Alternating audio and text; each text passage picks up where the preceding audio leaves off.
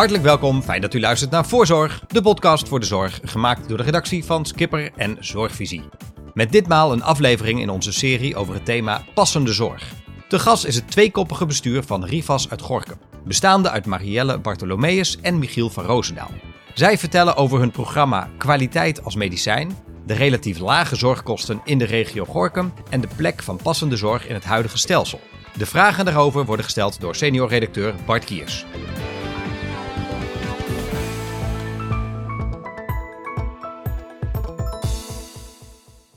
Welkom Marielle, welkom Michiel. Ehm, wat is medicijn als kwaliteit eigenlijk?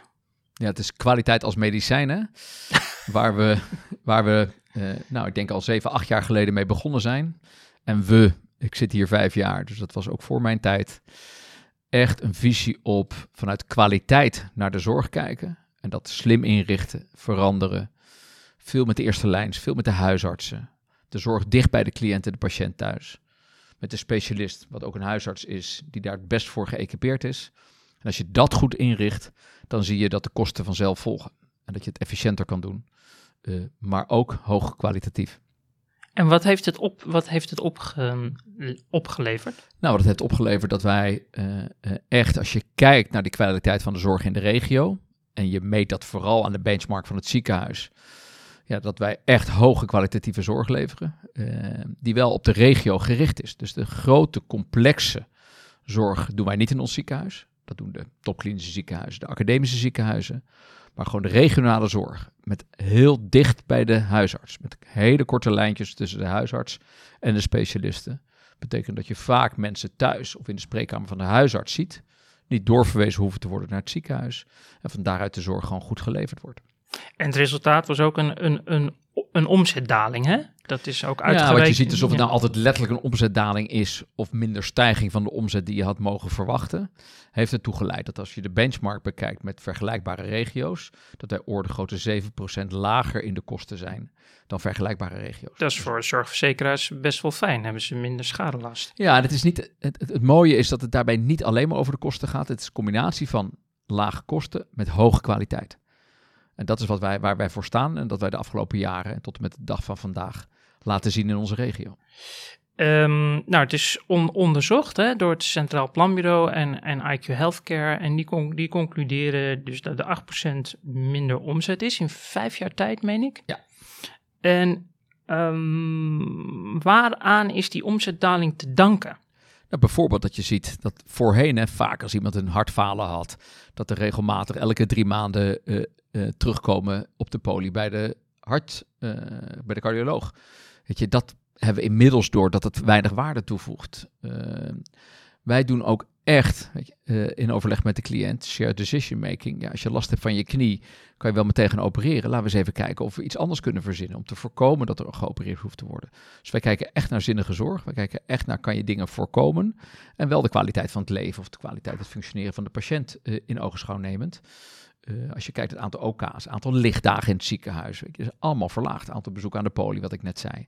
Ja, en dat leidt uiteindelijk tot lagere kosten. En de huisartsen spelen ook een belangrijke rol, hè? want 25% is, is van de omzetdaling is te danken aan die is naar huisartsen gegaan. Hebben die, die niet dan veel, veel te druk gekregen eigenlijk? Nee, maar het mooie is dat, ja, die huisartsen spelen een hele belangrijke rol. Ik was zelf vorige week donderdagochtend, ben ik nog een ochtend meegelopen met een huisarts in de regio. Om het ook zelf mee te maken uh, in de wachtkamer of in de spreekkamer. Uh, bij, op bezoek bij een, bij een cliënt thuis. Om, om nou, echt die verbinding ook vanuit het bestuur te maken met de huisartsen. En wat je ziet is dat, dat zij meer tijd voor de patiënt krijgen. Uh, dus zij hebben in hun contracten met de verzekeraars uh, verlengde spreekuur gekregen, uh, zodanig dat het gesprek met de cliënt echt wat langer kan duren. En dat werkt echt in het niet standaard doorsturen naar de poli van de specialist in het ziekenhuis. en die extra tijd voor de patiënt is cruciaal, zodat de cliënt ook echt het vertrouwen heeft dat die huisarts hem echt goed, echt de aandacht voor hem heeft en de juiste keuze met elkaar maken. Oké. Okay. Je hebt um, iets soortgelijks meegemaakt bij Bernhoven. Um, hè, een zinnige zorg, de, de inzet daarop. Uh, toen ben je in 2019 ben je hier naartoe gekomen? Nee, uh, januari 2021. Oké. Ehm, hoe krijg je de dokters mee? Nou, je moet het niet opleggen aan dokters. Je moet de initiatieven vanuit de dokters laten komen. En als het dan intrinsiek vanuit hunzelf komt, dan gaan ze er ook voor. Is het zo makkelijk? Nou, het is niet van de een op de andere dag geregeld, maar je moet ze daar tijd voor geven en ook faciliteren. Dus je moet ze wel helpen, maar uh, de initiatieven moeten echt uit, uit het werkveld komen. En niet alleen de dokters, maar ook verpleegkundigen. En hier in Rivas heb je natuurlijk een nog grotere organisatie, een ketenorganisatie, waarbij je ook de langdurige zorg, de verpleeg- en verzorgingshuizen en ook de wijkzorg mee moet nemen. Ja, ik ga toch even op de specialisten door even, want um, een voorwaarde is gelijk ge, uh, gerichtheid, zoals dat ook. Ja. In Bernhoven, zei Peter Bennemeer, wil je dat voor elkaar krijgen, dan moeten de specialisten in, in um, loondienst. Daar ben ik het niet mee eens.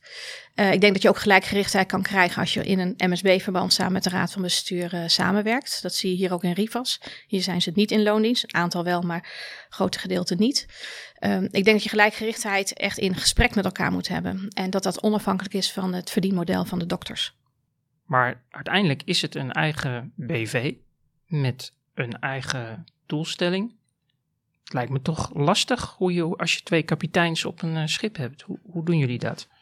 Nou, je hebt niet twee kapiteins op een schip. Uh, je, moet, je zit samen op dat schip. En je moet gewoon, kijk, je hebt een stuurlui uh, en je hebt de, kapitein. En je moet het wel samen doen.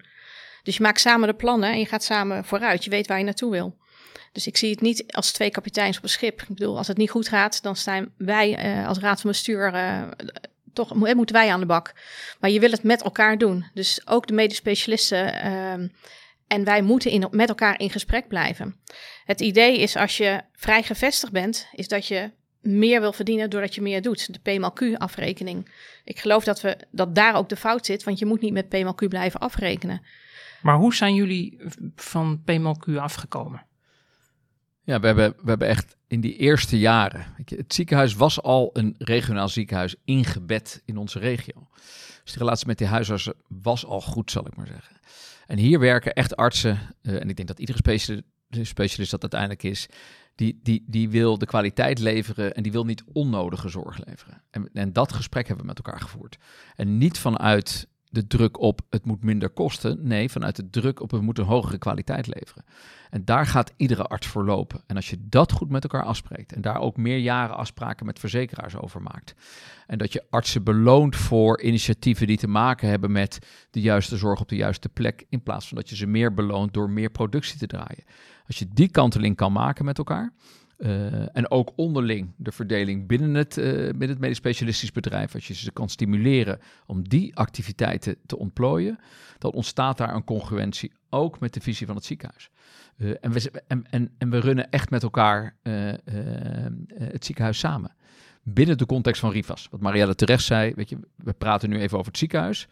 Maar we hebben ook grote wijkverpleging. We hebben grote langdurige zorg. En die zorg in de regio met elkaar, samen met die huisartsen.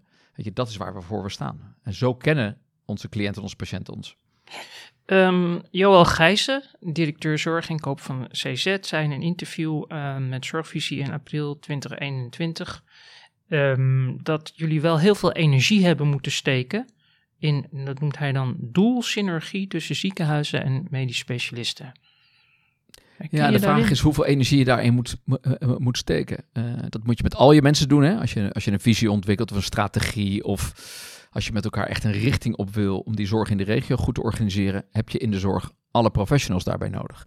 En dat zijn de medisch specialisten, maar dat zijn ook de specialisten oudergeneeskunde. Dat zijn alle verpleegkundigen. Dus je moet ze allemaal meenemen in de visie die je hebt uh, op de zorg. We zijn een dienstverlenend bedrijf, dus de dienst wordt ieder moment van de dag, ook as we speak, wordt nu gemaakt door een professional uh, in, in, in contact met een cliënt of een patiënt of een bewoner. Dus je moet die hele club meenemen. Dat geldt net zo goed voor de specialisten als voor al die anderen. Uh, maar mensen komen hier ook echt met een, met, met, met, met een bewuste keuze om te werken bij dit type zorginstelling. Met een klein regionaal ziekenhuis, met een grote VVT-organisatie, met een goede wijkverpleging. En daar willen ze hun steentje aan bijdragen. En als ze daarvoor beloond worden, uh, ja, dan gaat het de goede kant op. En dat is dus precies wat Marielle zei. Niet voor het aantal operaties, maar de prijs per operaties. Nee, het voorkomen van een operatie is ons meer waard dan het simpel doen van een operatie of een ingreep. En, en daar staan ze allemaal voor aan de lat, weet je. En daar kan je met, met, met iedereen het gesprek over hebben. En dat moet ook wel, hè, want het moet wel toekomstbestendig zijn. Want als wij door blijven gaan met de zorgkosten zoals we nu bezig zijn, kunnen we deze zorg niet meer leveren. Dus je moet ook echt anders willen gaan denken. Ja, dat, dat begrijp ik. Daarom ga ik toch op die specialisten e- even door. Om, omdat ehm, dat, dat productieprikkel eruit halen, als ik het goed begrepen heb, hebben jullie daar aan bepaalde knoppen gedraaid van het verdeelmodel Ja, van klopt. Logix. Kun je uitleggen wat jullie gedaan Ja. hebben? Nou, wat we in ieder geval met elkaar gedaan hebben, is dat het, dat het gedeelte van de inkomsten van de, van de verzekeraars wat naar het medisch specialistisch bedrijf gaat, dat is gewoon een percentage. Dat het is een, een, een x procent. En afhankelijk van of onze omzet daalt of stijgt, weet je, gaan de, gaat de groep van specialisten gaat mee in, in, eh, in die verdeelsleutel. Dat is één. Ehm, twee is dat binnen dan het MSB van hoe worden nou met lotchecks, hoe worden nou de vakgroepen eh, beloond. Dat is niet op basis van productieprikkel. Dat is bijvoorbeeld op basis van hoeveel nieuwe initiatieven, wat Marielle zei, weet je, welke initiatieven hebben de specialisten nou gedaan, hoeveel initiatieven hebben ze genomen om die zinnige zorg eh, eh, aan mee te werken, om de zorg dicht bij de patiënt te verplaatsen. Vorig jaar hebben we gezegd van de initiatieven waren specifiek op beeldbellen, dingen op afstand doen. Als vakgroepen daar meer aan meegewerkt hadden dan andere grap, eh, vakgroepen, werd dat meegenomen in het verdeelmodel. Dus daarmee stimuleer je het goede gedrag. En dat is eh, eh, wat we heel goed met elkaar doen. Dus die congruentie. Bernhoven heeft ervoor gekozen om, om de specialist in loondienst te nemen. En wij hebben ervoor gekozen om dat niet te doen. En wel die congruentie. Door dit soort dingen, afspraken, door continu dit, soort gesprekken met elkaar te voeren. Hebben we bewezen in de afgelopen jaren dat dat prima kan werken. Ik ga hierop door omdat er landelijk in de landelijke po- politiek een, een, een meerderheid is in, in de Tweede Kamer om de specialisten in, in, in loondienst te gaan doen. Toen had ik een interview met de bestuursvoorzitter van Zu- het Zuiderland ziekenhuis, die ook met zinnige zorg bezig is. En die zei dat gaat averechts werken. En als ik van jullie hoor, begrijp ik dat dat ook eigenlijk helemaal niet nodig is.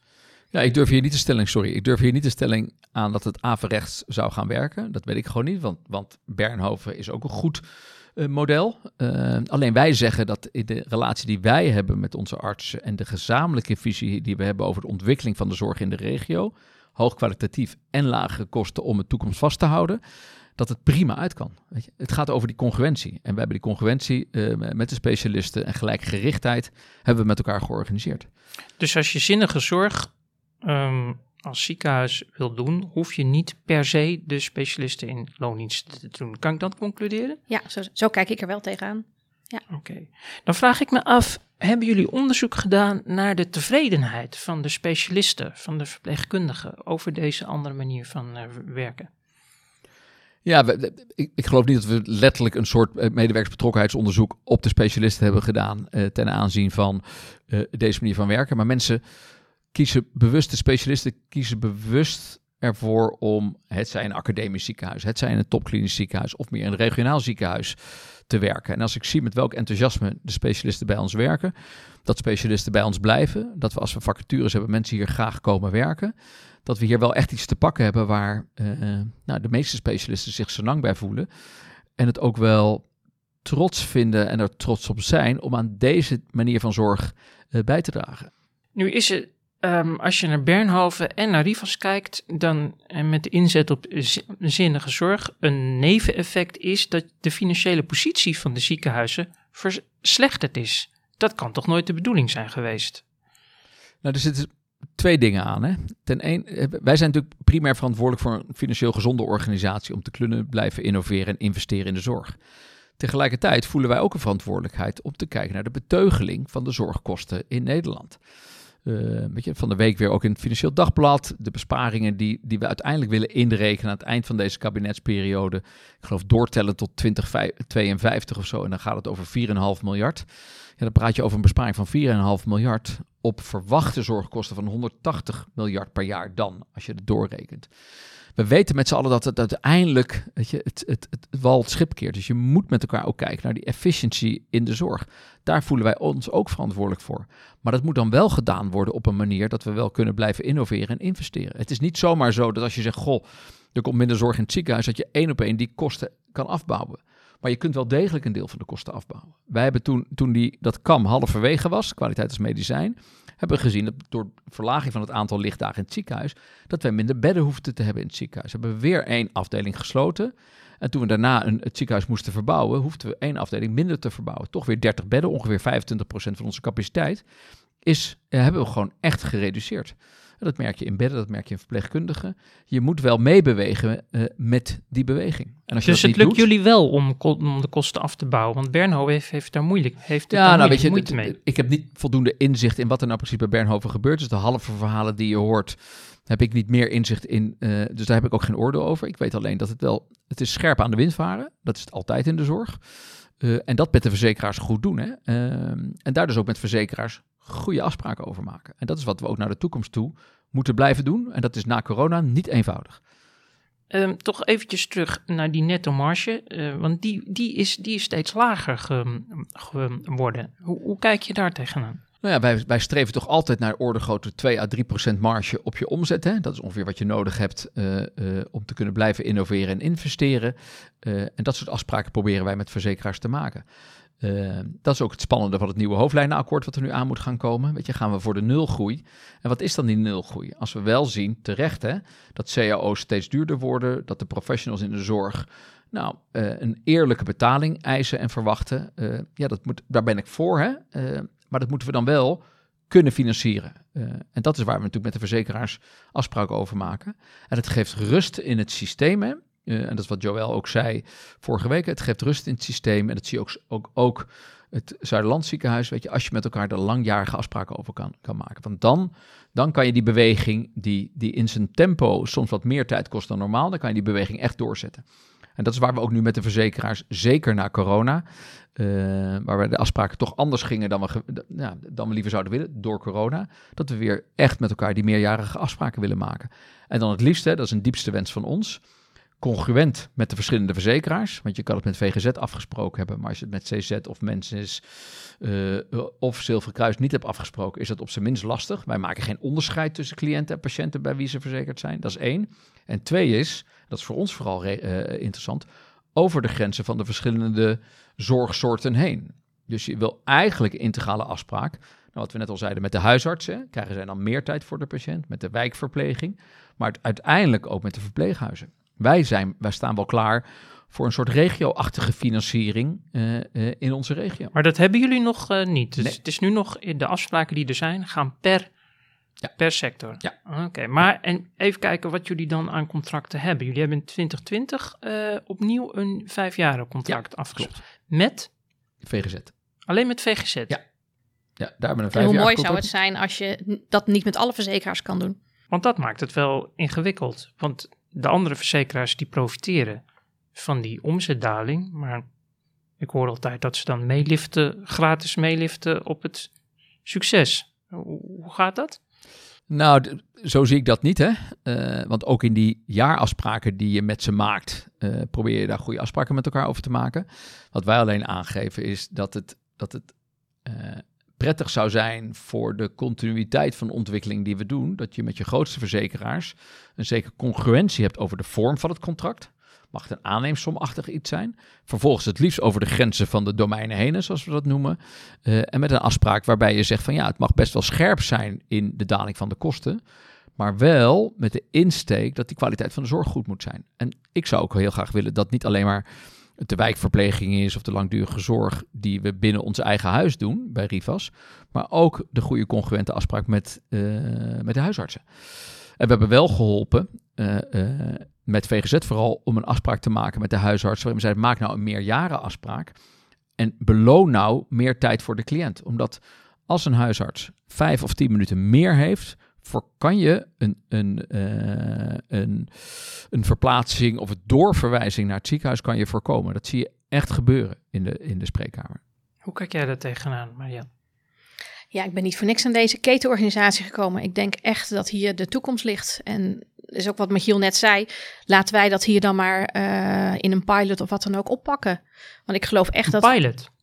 Ja, nou kijk, je hebt niet zomaar snel een uh, stelselwijziging doorgevoerd.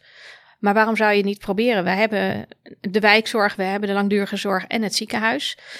Um, als wij nu zitten te onderhandelen met de verzekeraars, als je het bijvoorbeeld aantal mensen niet in het ziekenhuis behandelt, maar wel in de wijk, dan zijn het best wel dure patiënten voor de wijkzorg. En dan doe je het voor het ziekenhuis goed en voor de wijk niet. Ja, dat soort discussies. Eh, elk jaar doen we datzelfde dansje weer met de ziektekostenverzekeraars. Laat ons kijken hoe we de zorg echt kunnen veranderen. En dan pas wordt die toekomst verstandig. Het is een maatschappelijke opgave die we ook met elkaar hebben, denk ik. Met, met alle verzekeraars heb je die discussie? Of, uh, of Nou, met VGZ heb- niet? Jawel, ja, elk jaar heb je natuurlijk met alle verzekeraars weer de discussie eh, wat je voor het volgende jaar gaat krijgen. Oké. Is dat tweede, want het tweede vijfjarencontract met VGZ dat loopt tot 2024. Dat is best ver weg. Ehm, gaan jullie dat dan tussentijds nog openbreken of zo? Want oh, je hebt ook de coronacrisis gehad, waardoor het allemaal wat anders ge- gelopen is.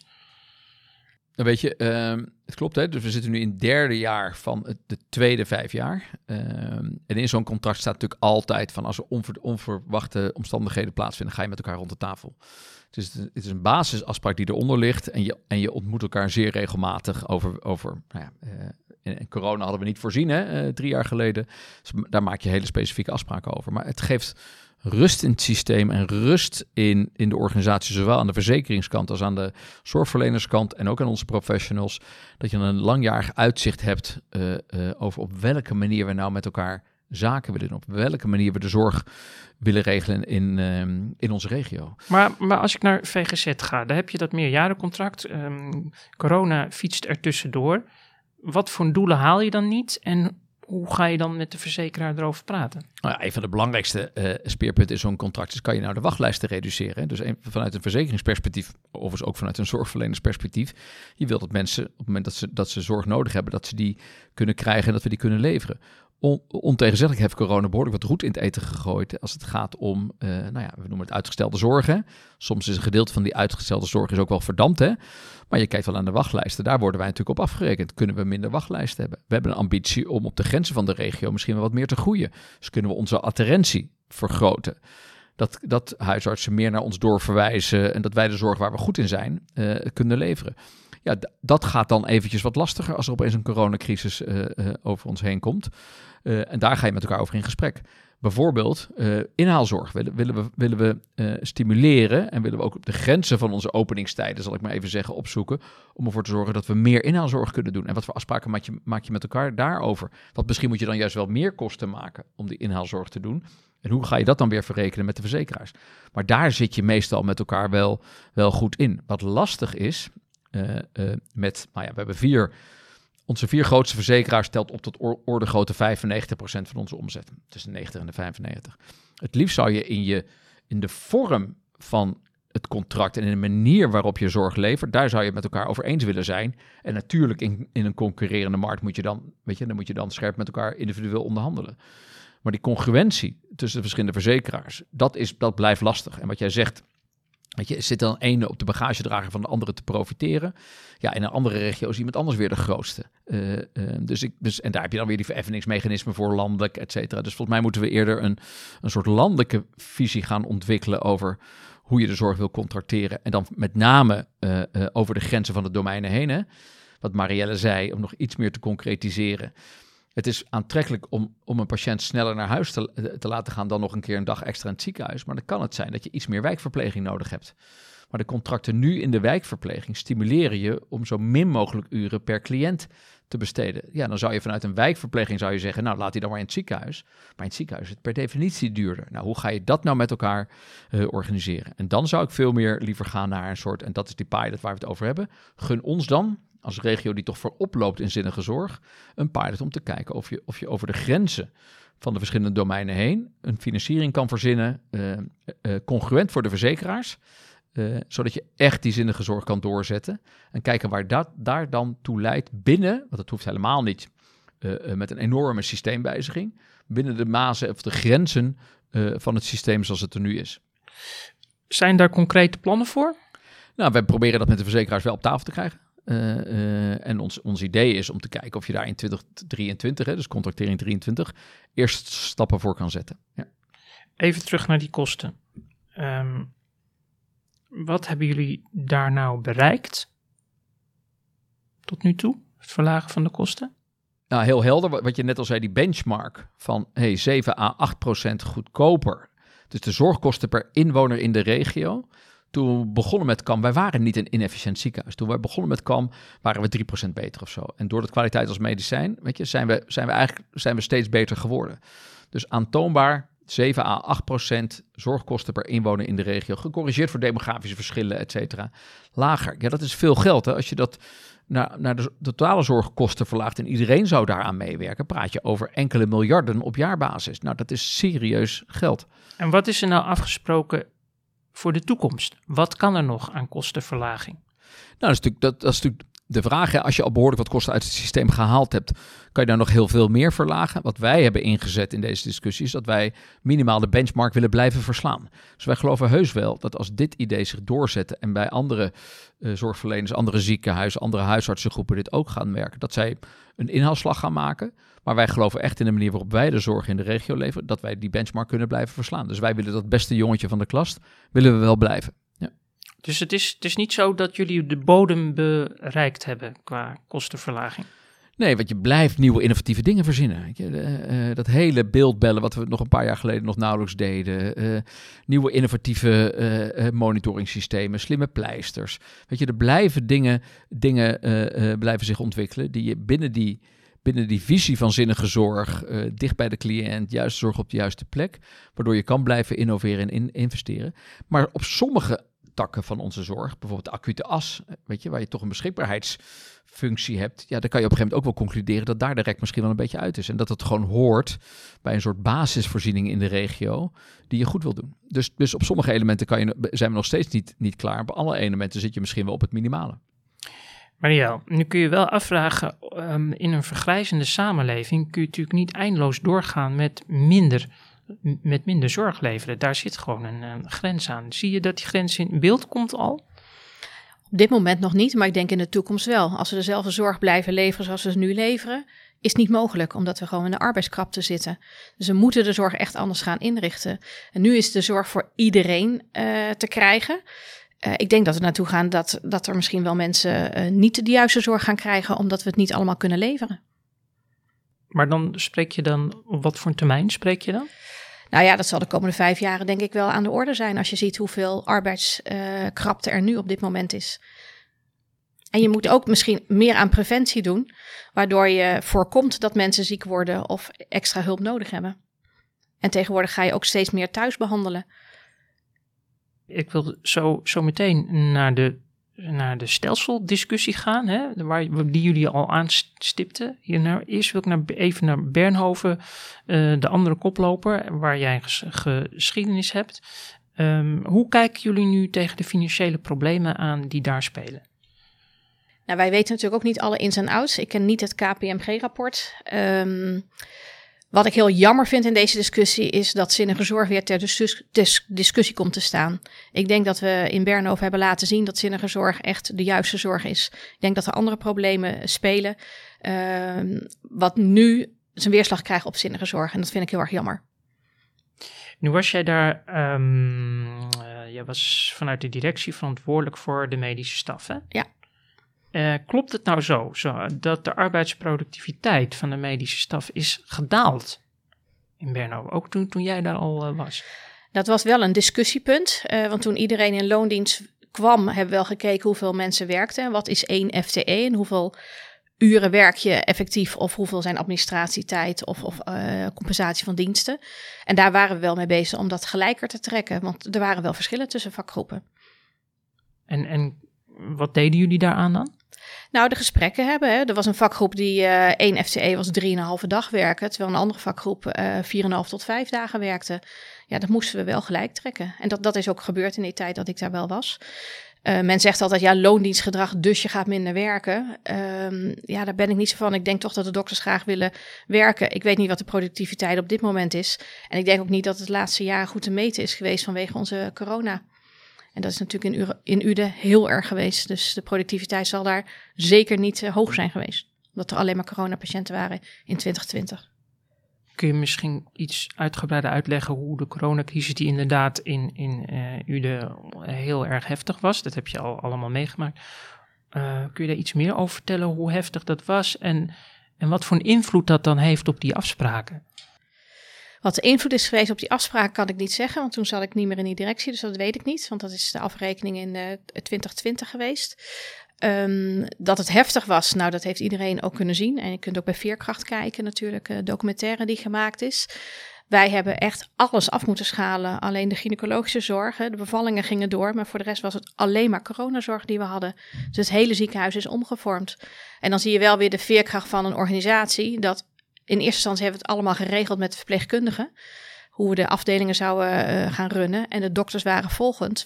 En dat betekende dus dat bijvoorbeeld een, een wat oudere cardioloog of een reumatoloog uh, als een assistent werkte onder supervisie van een longarts. Dus ja, dat was wel heel bijzonder om dat mee te maken. Door wat voor afspraken, wat voor doelen ging een streep door de coronacrisis eigenlijk? We hebben helemaal even niet naar afspraken gekregen. We hebben gekeken, we moesten gewoon die zorg voor die mensen die voor de deur stonden. Daar stonden rijen ambulances en we moesten mensen met hele ernstige coronaklachten helpen. En dat hebben we met z'n allen gedaan. Dus dat hele zinnige zorg, dat ging even de ijskast in of zo? Nou, dat nou ja, weet je, je, je, je, had de, een aantal specialisten die met, wel met beeldbellen nog wel wat konden doen. Uh, maar uiteindelijk hebben we echt alleen maar coronazorg geleverd. En is dat dan een verklaring voor de financiële problemen nu, denk je? Dat durf ik niet te zeggen, dat weet ik niet. Hadden jullie nou als zittende directie um, ook al signalen? Hadden jullie helemaal geen signalen gekregen dat de kosten zo aan het stijgen waren, omdat er volgens Veenstra 120 mensen te veel in dienst zijn? Nee, die 120 kan ik echt niet, niet nergens op staven. Tenminste, toen ik in 2019 was dat absoluut niet aan de orde. Hoeveel wel dan? Nou, dat durf ik niet hardop te zeggen wat, welk getal het was. Dat er wel veel ondersteuning was, uh, dat wisten we wel. En dat we daarmee bezig moesten zijn in 2020. Uh, dat was wel een gegeven. Maar ja, door de corona is er in 2020 niet aan kunnen werken. Het verschil wat nu gezegd wordt, hè, 20 miljoen moet eruit. Ja, dat geloof ik echt niet. Ik kan me niet voorstellen dat zo'n zo'n hoog bedrag is. Dus dat is lager? Daar ga ik wel vanuit. Maar ik ken de getallen niet. Um, ja, dat zei um, Peter Bennemeer, die zei dat ook al. Die schatten het op uh, 10 miljoen en CZ op 10 tot 15 miljoen. Dus ja, ik heb ook gevraagd aan Bernhoven, uh, aan Veenstra, kun je nou iets beter onderbouwen waar dat nou is. Dus dat zal hopelijk de komende tijd iets meer over zeggen. Um, Veenstra heeft het ook over dat er een nieuw EPD nodig is. Jij, ja, jij werkte daar niet zo lang geleden. Als arts werkte je daar ook mee. Was dat, is dat nou echt nodig? Nou ja, tegenwoordig heb je twee grote systemen in Nederland. Dat systeem is er niet in Bernhoven. Dus op termijn zal dat wel een keer nodig moeten zijn. Als je dat meerekent uh, bij die 20 miljoen. Het zijn dure systemen, dus dan kom ja. je wel hoog uit. Ja, volgens Veenstra is dat niet zo overigens. Dus um, zou jij nu met de kennis van nu, zou je, het anders zou je iets anders hebben ge, gedaan? In, in Bernhoven? Ja. Nee, in 2020 konden we niet anders, want we mm -hmm. zaten vast met de corona. Um, was er geen corona geweest, dan, dan waren ze waarschijnlijk niet zo heel diep gegaan. Denk ik, verwacht ik. Oké, okay. we gaan naar het uh, stelsel. Wat is er nou nodig? Nou, een toevoeging hierop, ja. denk ik. En nogmaals, ik citeer Veenstra als het gaat over registratie. Hè? Dus een illusie om te veronderstellen dat als je een aanneemsom hebt, dat je niet hoeft te registreren. Want je moet wel kunnen, kunnen aantonen wat je gedaan hebt voor de zorg waar, waar er waarvoor betaald wordt. En ook in corona, dus, dus we kennen allemaal de coronacompensatieregelingen vanuit de verzekeraars, mooie regelingen, et cetera. Alleen je moet het wel goed vastleggen wil je, er, wil, je er, wil je er gebruik van kunnen maken? Wil je er recht op hebben, zal ik maar even zeggen. Uh, en wij hebben vanaf dag één binnen Rivas echt dat goed ingericht. Dus de hele administratie zodanig ingericht dat we de activiteiten die we deden of de kosten die we maakten in verband met corona goed konden verantwoorden en daarmee ook goed uh, voor voor konden worden. Als ik Veenstra hoor zeggen dat er een probleem is met de registratie, kan ik me zomaar zo voorstellen dat ze dat ook niet geholpen heeft in de coronacrisis. Uh, en misschien dat dat het bruggetje is naar dat het huidige systeem gewoon ze niet meer voldoende helpt om het goed te kunnen registreren. Uh, en ontegenzeggelijk zijn de twee grootste leveranciers van EPD's voor ziekenhuizen. Ja, daar is de registratie echt primair, zal ik maar zeggen. Oké, okay, herken jij je daarin, Marielle? Ja, zeker. En zeker ook toen ik hier kwam, zag ik dat de registratie hier echt veel beter op orde was. Dus dat er wordt gezegd, hè, de, de, het is niet allemaal op orde, het huishoudboekje. Uh, ja, daar kan ik me wel iets bij voorstellen. Hm. Dus dan zou je misschien toch iets anders hebben gedaan? Nou, als je, met de kennis van nu weet je dat je misschien beter had moeten registreren. Dat is wel ook een discussie daar geweest. Um, en ja, dat moet je goed inregelen. En met een ouder EPD is dat gewoon lastiger. Oké. Okay. Waarbij het overigens volledig logisch is dat je de zorgprofessionals die echt 24 keer 7 uh, uh, in de crisis geacteerd hebben, zeker in Ude, die mag je daar ook niet te veel mee lastigvallen. Je, moet niet, weet je, zij moeten echt, weet je, zinnige zorg op dat moment is die coronapatiënten helpen. Weet je, dat is zinnige zorg. Dus mijn, mijn, stelling is dat zinnige zorg wel degelijk is doorgegaan hier, maar zeker ook in Ude, gericht op die nieuwe patiënten die we niet kenden met coronaklachten. Uh, en daar moeten de professionals dag en nacht mee bezig zijn. Dan moet in de back-office, in de administratie, in andere mensen moeten zich zorgen maken over. En hoe zorgen we nou voor dat we dat goed registreren? Zodanig dat als er een financiële compensatie komt, we daar dan ook gebruik van kunnen maken. Nou, en, en dat is echt een ander vraagstuk. Die compensatieregeling, is die, zijn jullie tevreden daarover? Want er zijn nogal wat kleinere ziekenhuizen die daar niet tevreden over zijn. Ja, weet je, het is natuurlijk uh, uiteindelijk wordt er uh, uh, door NVZ en ZN en ook weet je, ACM moeten naar kijken. Het is natuurlijk een complex veld. Hè? We, we hebben het altijd over de markt of marktwerking in de zorg. Nou, daar kunnen we ook nog een hele podcast over volpraten wat we daarvan vinden. Uh, Doen we een andere keer. Doen we een andere keer, ja. Uh, maar in, in, in die context, zal ik maar zeggen, vind ik uh, echt dat we met alle partijen en zeker ook de verzekeraars, dat we goede regelingen getroffen hebben voor 2020, voor 2021 en nu ook weer een beetje doorkijkend naar 2022, die ons in ieder geval, uh, zeker omdat wij het goed geregistreerd hadden, de rust geeft dat we er financieel niet aan onderdoor gaan. Dus jullie hoeven geen beroep te doen op die hardheidsclausule? Nou, het is altijd, uh, uh, weet je, de jaarrekening 2021 moeten we nog sluiten. Uh, maar op dit moment hebben wij, geen, hebben, we ge hebben geen beroep gedaan en voorzien wij ook niet dat we beroep gaan doen op die hardheidsclausule. Oké. Okay. Wat zou jullie advies nu zijn aan de nieuwe minister en, en Kuipers om passende zorg landelijk tot een succes te, te maken? Want in, in het coalitieakkoord komt het heel, heel erg veel voor. Je hoort de NZA, ook uh, pa passende zorg voor, passende zorg na. Wat is er nou nodig? Ik denk zeker dat je betere financiering hiervoor moet gaan regelen. Of een andere financiering van de zorg. Dus pak hem dan op en ga het dan ook in één keer goed regelen. En, en helpt het nou dat er een bezuinigingsdoelstelling aan vast zit? Want het staat in het coalitieakkoord ook. Hè? Het moet geld opleveren. Terwijl ik juist begrepen had van het onderzoek van het Centraal Planbureau en IQ Healthcare. Als je dat gaat doen, als je er een bezuinigingsoperatie van gaat maken, dan, dan gaat het niet werken. Nou, wij zijn begonnen met, met kwaliteit als medicijn door altijd aan het wiel van kwaliteit te draaien. En als je aan het wiel van kwaliteit draait, weet je, en, weet je verschrikkelijke termen, maar first time right of, weet je, of alleen maar die zorg te leveren uh, uh, uh, die echt nodig is en andere niet, dan dan volgen de kosten vanzelf. En mensen in de zorg willen, willen kwaliteit leveren. Weet je? Dus, dus als je begint met alleen maar op kosten te sturen, weet je, dan krijg je bijvoorbeeld, weet je, dan, dan, moet een nieuwe heup moet goedkoper zijn. Dan krijg je autonoom het systeem dat mensen zeggen, maar dan moeten we iets meer heupen doen om die omzet uh, uh, te blijven houden, om ons systeem in stand te houden. Um, dus als je eenmaal die beweging ingezet hebt, het gaat over de kwaliteit van zorg, dan ik heb er niet zoveel moeite mee dat op termijn ook gezegd wordt, god, maar wat mag het ons dan ook opleveren? Weet je? Dus durf je een ambitie neer te leggen op wat het mag opleveren. En let op, elke keer als we een bezuiniging zeggen, dan zeggen we niet dat het minder wordt. Nee, het wordt iets minder meer. Hè? Dus het wordt altijd, het wordt verkeerd geframed. Uh, maar de ongebreidelde groei van de zorg proberen te temperen, daar ben ik een enorme voorstander van. Al was het maar, omdat als we die groei wel doorzetten, we waarschijnlijk niet voldoende mensen hebben om die zorg ook te kunnen leveren. Dus de problematiek op de arbeidsmarkt gaat ons ook stimuleren om het slimmer te doen, dingen niet te doen, uh, dingen innovatiever te doen. Uh, uh, met het beperkte aantal mensen dat we straks nog hebben voor de zorg. En dat maakt dat het in zich ook goedkoper kan zijn. Dus ik vind dat een logische beweging. Begin met kwaliteit, stuur daarop. En dan, en dan durf ik best een ambitie neer te leggen. En wat levert het dan de BV Nederland op? En je hebt wel een marge ook nodig, hè? want die innovatie kost ook geld. Wij krijgen alleen maar geld van de ziektekostenverzekeraars. We hebben hier geen assistenten in opleiding of uh, promovendi, wat grotere huizen wel hebben. Dus wij zijn ook echt afhankelijk van de ziektekostenverzekeraar. Dus we moeten ook kijken of we financiële andere innovaties gaan uh, aanboren, om die zorg ook echt te kunnen omkatten. Wat bedoel je precies? Nou, als wij een omzet hebben en, en wij willen een bepaald marge hebben, je hebt 1 tot 2 procent wel nodig om financiële ruimte te hebben om ook die innovaties te kunnen betalen. En die is er nu niet? Nou, wij nu wel, omdat we er rekening mee houden. Wij proberen mm -hmm. dat dus echt ook um, daar geld voor vrij te maken.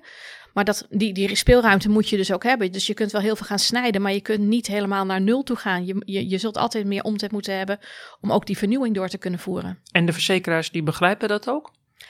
Nou ja, als je kijkt dat je al je CAO moet inverdienen, ehm, dan heb je het hard te halen. Dus moet je er hard voor werken om, om, om die omzet ook te gaan halen. Maar begrijpen de, bewegen de verzekeraars daar mee? Tonen ze begrip daarvoor? Of zeggen ze van nee, we hebben gewoon keiharde targets? Jammer. Nou ja, dat zijn wel discussiepunten die we af en toe met elkaar hebben. Maar op zich uh, zijn de verzekeraars wel zo ver dat ze ook met ons mee willen denken uh, hoe, hoe we dat anders kunnen gaan inregelen. Kijk, misschien het is natuurlijk heel vervelend wat er nu in Bernhoven is gebeurd. Maar misschien moet het ook als een kans zien om, om die zorg echt anders aan te gaan pakken. Want ik geloof echt in zinnige zorg en daar moeten we op doorpakken. En daar hoort ook een stukje financiële um, ja, verandering bij. Maar je zegt een kans. Ik denk dat andere ziekenhuizen nu denken van nou, uh, dat pad van zinnige zorg, dat gaan, dat gaan wij niet op. Het, zoals het nu werkt, is dit een, een ja, een, een. Ja, maar dat is hoe je het framet. En ik denk juist, als je, als je naar de toekomst gaat kijken, um, moet je gewoon inzetten op passende zorg. Het staat ook in het regeerakkoord. En als je hier verder op door wil pakken, moet je ook voor zorgen dat je niet financiële problemen gaat krijgen. Dus dat betekent ook dat je de zorg anders moet gaan um, ja, betalen. Oké, dan zijn we daar ook nog een vraag over. Want nu is het dus zo, als je voor passende zorg kiest, straft het systeem je eigenlijk af. Hè? Want het is, het is nu ingericht op PMLQ. Er zitten in het stelsel allerlei prikkels, met risicoverevening ook nog, voor hè, die benadeeld verzekeraars die inzetten op zinnige zorg. Wat moet er nou veranderen aan, aan die bekostiging? Nou, wij geloven zeker in, in, eh, in een aanneemsom boven de PMLQ. En daar moet ook trouw aan blijven. Dus je wil echt met een aanneemsom kijken of je met de verzekeraars rond kan komen. En net wat Michiel ook zei, als je op langere termijn wat afspraken kan maken, dat geeft jou wel wat meer ruimte om ook gewoon um, verderop te kunnen kijken hoe je, je innovaties in gaat regelen. Dus je wil ook met Zilveren Kruis, hè, die heeft 25%. En CZ willen jullie ook dat soort meerjaren afspraken ja. maken? Ja, heel graag. Oh, okay. En mensen zelfs, weet je, dan hebben we, dan hebben we, dan hebben we alle... Ja. alle, alle okay. ja. En die gesprekken lopen nu ook? Van... Ja. En gaat een beetje. Nou, nog niet. Maar zit er muziek in? Dat geeft niet. Oké. Okay. Nou, het, het, het, het, is. Weet je, we hebben het in Nederland ook wel lastig georganiseerd. Hè? Want het is een concurrerende markt. Dus je mag niet met vier verzekeraars tegelijk aan tafel zitten. Uh, terwijl het vanuit, nogmaals, vanuit de zorgverlener perspectief. Ik wil niet uh, cliënt A van verzekeraar A en cliënt B van verzekeraar B bij de voordeur van ons ziekenhuis of bij de voordeur van Rivas anders behandelen. Voor ons is iedere cliënt even, even belangrijk en uh, even waardevol. Uh, dus willen we een zekere congruentie uh, uh, met de verschillende verzekeraars over de vorm van de contractering, de lengte van de contractering. Het liefst met de eerste lijn erbij, dus een integrale, en dan ook nog eens een keer de wijkverplener, dus integraal contract van alle diensten die je levert, uh, meerjarig en beloond. En, en, en geen perverse prikkels over aantallen maalprijs. Weet je, dat is in essentie. nou, daar, praten we met, met allen over, soms samen, soms individueel. En dat is nog wel, dat is, dat is nog niet eenvoudig. Uh, want we hebben het in Nederland daarmee ook niet eenvoudig gemaakt. Uh, maar het is wel echt onze roep. Ping. Um, roep en roeping. Ja. Voordat er nieuwe bekostiging is, dat duurt nog jaren. Wat kun je nou doen voordat, wat voor praktische oplossingen zien jullie, wat kun je in het huidige stelsel om toch met passende zorg en of zinnige zorg nou, je zou kunnen beginnen met alles wat binnen de ZVW valt, binnen een regio. Weet je, uh, de zorgverzekeringswet. Ja, ja en, dat, en dat is een ziekenhuis, dat zijn huisartsen, dat is de wijkverpleging. Weet je, je zegt, nou laten we die type zorg nou eens een keer, wat toch ook vanuit de verzekeraar gecontracteerd wordt, laten we die kijken of we die nou met, met vanuit één hand kunnen doen. En, uh, en, en dan meteen ook congruent uh, rond de verschillende grote verzekeraars. En het prima dat we het met twee afspreken en dat de anderen zeggen, dan volgen wij. Maar dan is het ook volgen. Dus, dus dat kan nu al, zeg dat, je? Volgens mij kan dat nu al. Dat, dat denken wij wel, ja. ja. En daar zetten wij wel op in, ja. ja. En merk je dat verzekeraars daar enthousiast over zijn? Nou, wat we nu ook wel merken, dat begrijp ik ook wel heel goed. Hè? Dus, dus uh, dat ook door corona uh, uh, en de financiering van corona, weet je, dat het voor de verzekeraars een behoorlijke kluif geweest is. Hoe gaan we dat nou met elkaar doen? En dat ze afwachtende wat er nou weer dit jaar al dan niet met corona gebeurt, dat ze nu iets meer in korte termijn contracten denken. Dat begrijp ik ook wel. Dus we hebben met iedereen nu weer, we zijn nog niet eens rond met allemaal, hè, uh, maar bijna wel uh, dat we met iedereen, behalve met VGZ, dat was een doorlopend contract, dat we een afspraak voor één jaar hebben gemaakt. Waarbij je zelf sommige verzekeraars weer terug zou stappen, zou stappen naar een PMLQ. Nou, dat, dat, dat is voor ons echt, wij, wij zijn echt een believer in die aanneemsom. Dus wij houden bij iedereen vast, wij, wij willen een, een aanneemsom in het contract en daar hoort dan een bepaald bedrag bij. En dat En lukt ook met alle ja. Oké. Ja. Ehm, en dan willen we graag dit jaar gebruiken om weer na te denken over meer jaren, eh, over de grenzen van, pak dan even de huisarts, de wijk, want daar zit het natuurlijk. Hè? Dus tussen de huisarts, de wijk en het ziekenhuis, daar zit natuurlijk, dat zijn de voornaamste knoppen waar je aan kan draaien om die zorgzinnig te regelen. Dicht bij de cliënt, sneller uit het ziekenhuis, met een stukje wijkverpleging, huisarts die er dichtbij zit. Laten we dat, laten we dat nou eens met elkaar proberen. En gaan die, lopen die gesprekken nu voor het, voor het komende jaar ook al? Of? Nee, wat we nu gezegd hebben is, we zijn nu natuurlijk nog de laatste contracten voor 2022. Hè? We zijn al bijna twee maanden bezig. Het is toch handig om toch een keer je contract gesloten te hebben. met wie moet je nog. eh Nou, dat is niet zo relevant. Met VGZ niet, hè. En met de andere zijn we op een oor nagevild. Dus het is, het is Mhm. we zitten in de laatste weken en we gaan daar prima uitkomen. We zijn ook niet de partij die dan in december tegen hun verzekerder gaat zeggen... goh, met die en die hebben we nog geen contract. Weet je, links of rechtsom moet je er toch met elkaar uitkomen. Weet je, en dat gaat ons ook lukken. En dan, dan willen we dat, we dat we het voorjaar gebruiken om te kijken... en wat voor soort contracten willen we dan het jaar erop afsluiten. En ook, ook, ook de verzekeraars zelf zitten na te denken over nieuwere vormen van financiering. Dus volgens mij ga je elkaar daar wel in vinden. Vooral ook omdat wij zeggen, goh, wij durven daar wel een zekere paardheid in te zijn. Laten we het hier maar proberen. Eh, en laten we dan maar, als het goed gaat, stimuleren. En als het, als het dingen misgaat, kunnen we met elkaar bijsturen. Dat je echt met elkaar in een soort pilot proeftuin van nieuwe financiering om die zorgzinnig te houden en de zorgkosten, de groei van de zorgkosten te beteugelen. Ik zeg niet dat het, je hoort mij niet zeggen dat het alleen maar minder kan, hè? Maar kan je de groei afvlakken. Dat is, eh, en de, altijd vanuit de premises dat je de juiste kwaliteit blijft leveren. Die proeftuin, hè? Ehm, doet dan ook de NZA mee en het ministerie? Of Dat zo? is natuurlijk wel de, be- de bedoeling. Ja. Ze zijn zeer geïnteresseerd. Ze zijn zeer Ja. geïnteresseerd. Zijn ook een beetje zoeken naar van hoe moet het er nou precies uitzien. Eh, maar dat is wat wij moeten gaan organiseren. Ja. Ja. En wij komen ook pas net uit die corona. Hè. Dus wij zijn, wij zijn ook nu aan het, aan het schakelen, aan het nadenken over... Hey, hoe, gaat nou, hoe gaan we nou vanuit die corona... hoe gaan we nou de volgende contracten vormgeven? Wanneer zou die pilot moeten starten? Ja, het liefst wat mij betreft op 1 januari 2023. Oké, Mooi hè? ja. Nou, wens ik jullie heel veel succes daarmee. Hartelijk dank. Bart. Ja. Dankjewel Bart. En daarmee komt deze aflevering tot een einde. Maar niet voordat ik mijn dank heb uitgesproken aan Ties Timmers voor de montage en Bram Brouwers voor de muziek. Ook wijs ik u er graag op dat u zich kunt abonneren op deze podcast via onder meer Apple Podcast en Spotify. Op de hoogte blijven van nieuwe afleveringen en het laatste nieuws over de zorg kan ook via skipper.nl en zorgvisie.nl. Voor nu, hartelijk dank voor het luisteren en heel graag tot de volgende voorzorg.